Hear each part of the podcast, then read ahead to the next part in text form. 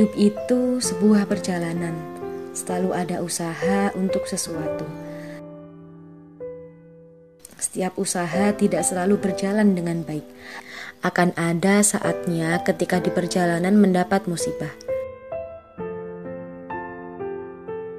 Dari mana asalnya? Hanya kita yang bisa menjawab. Setiap kehidupan di dunia ini pasti akan ada sebuah musibah karena tanpanya manusia tidak akan pernah introspeksi akan perangainya.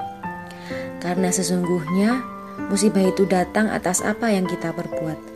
Ingatlah bahwa azabnya tidak pernah lengah oleh keadaan apa pun.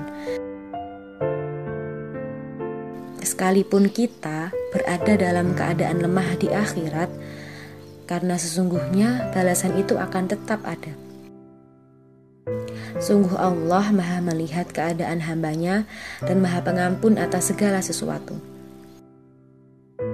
Musibah datang bukan tanpa alasan, justru hadirnya karena dirimu.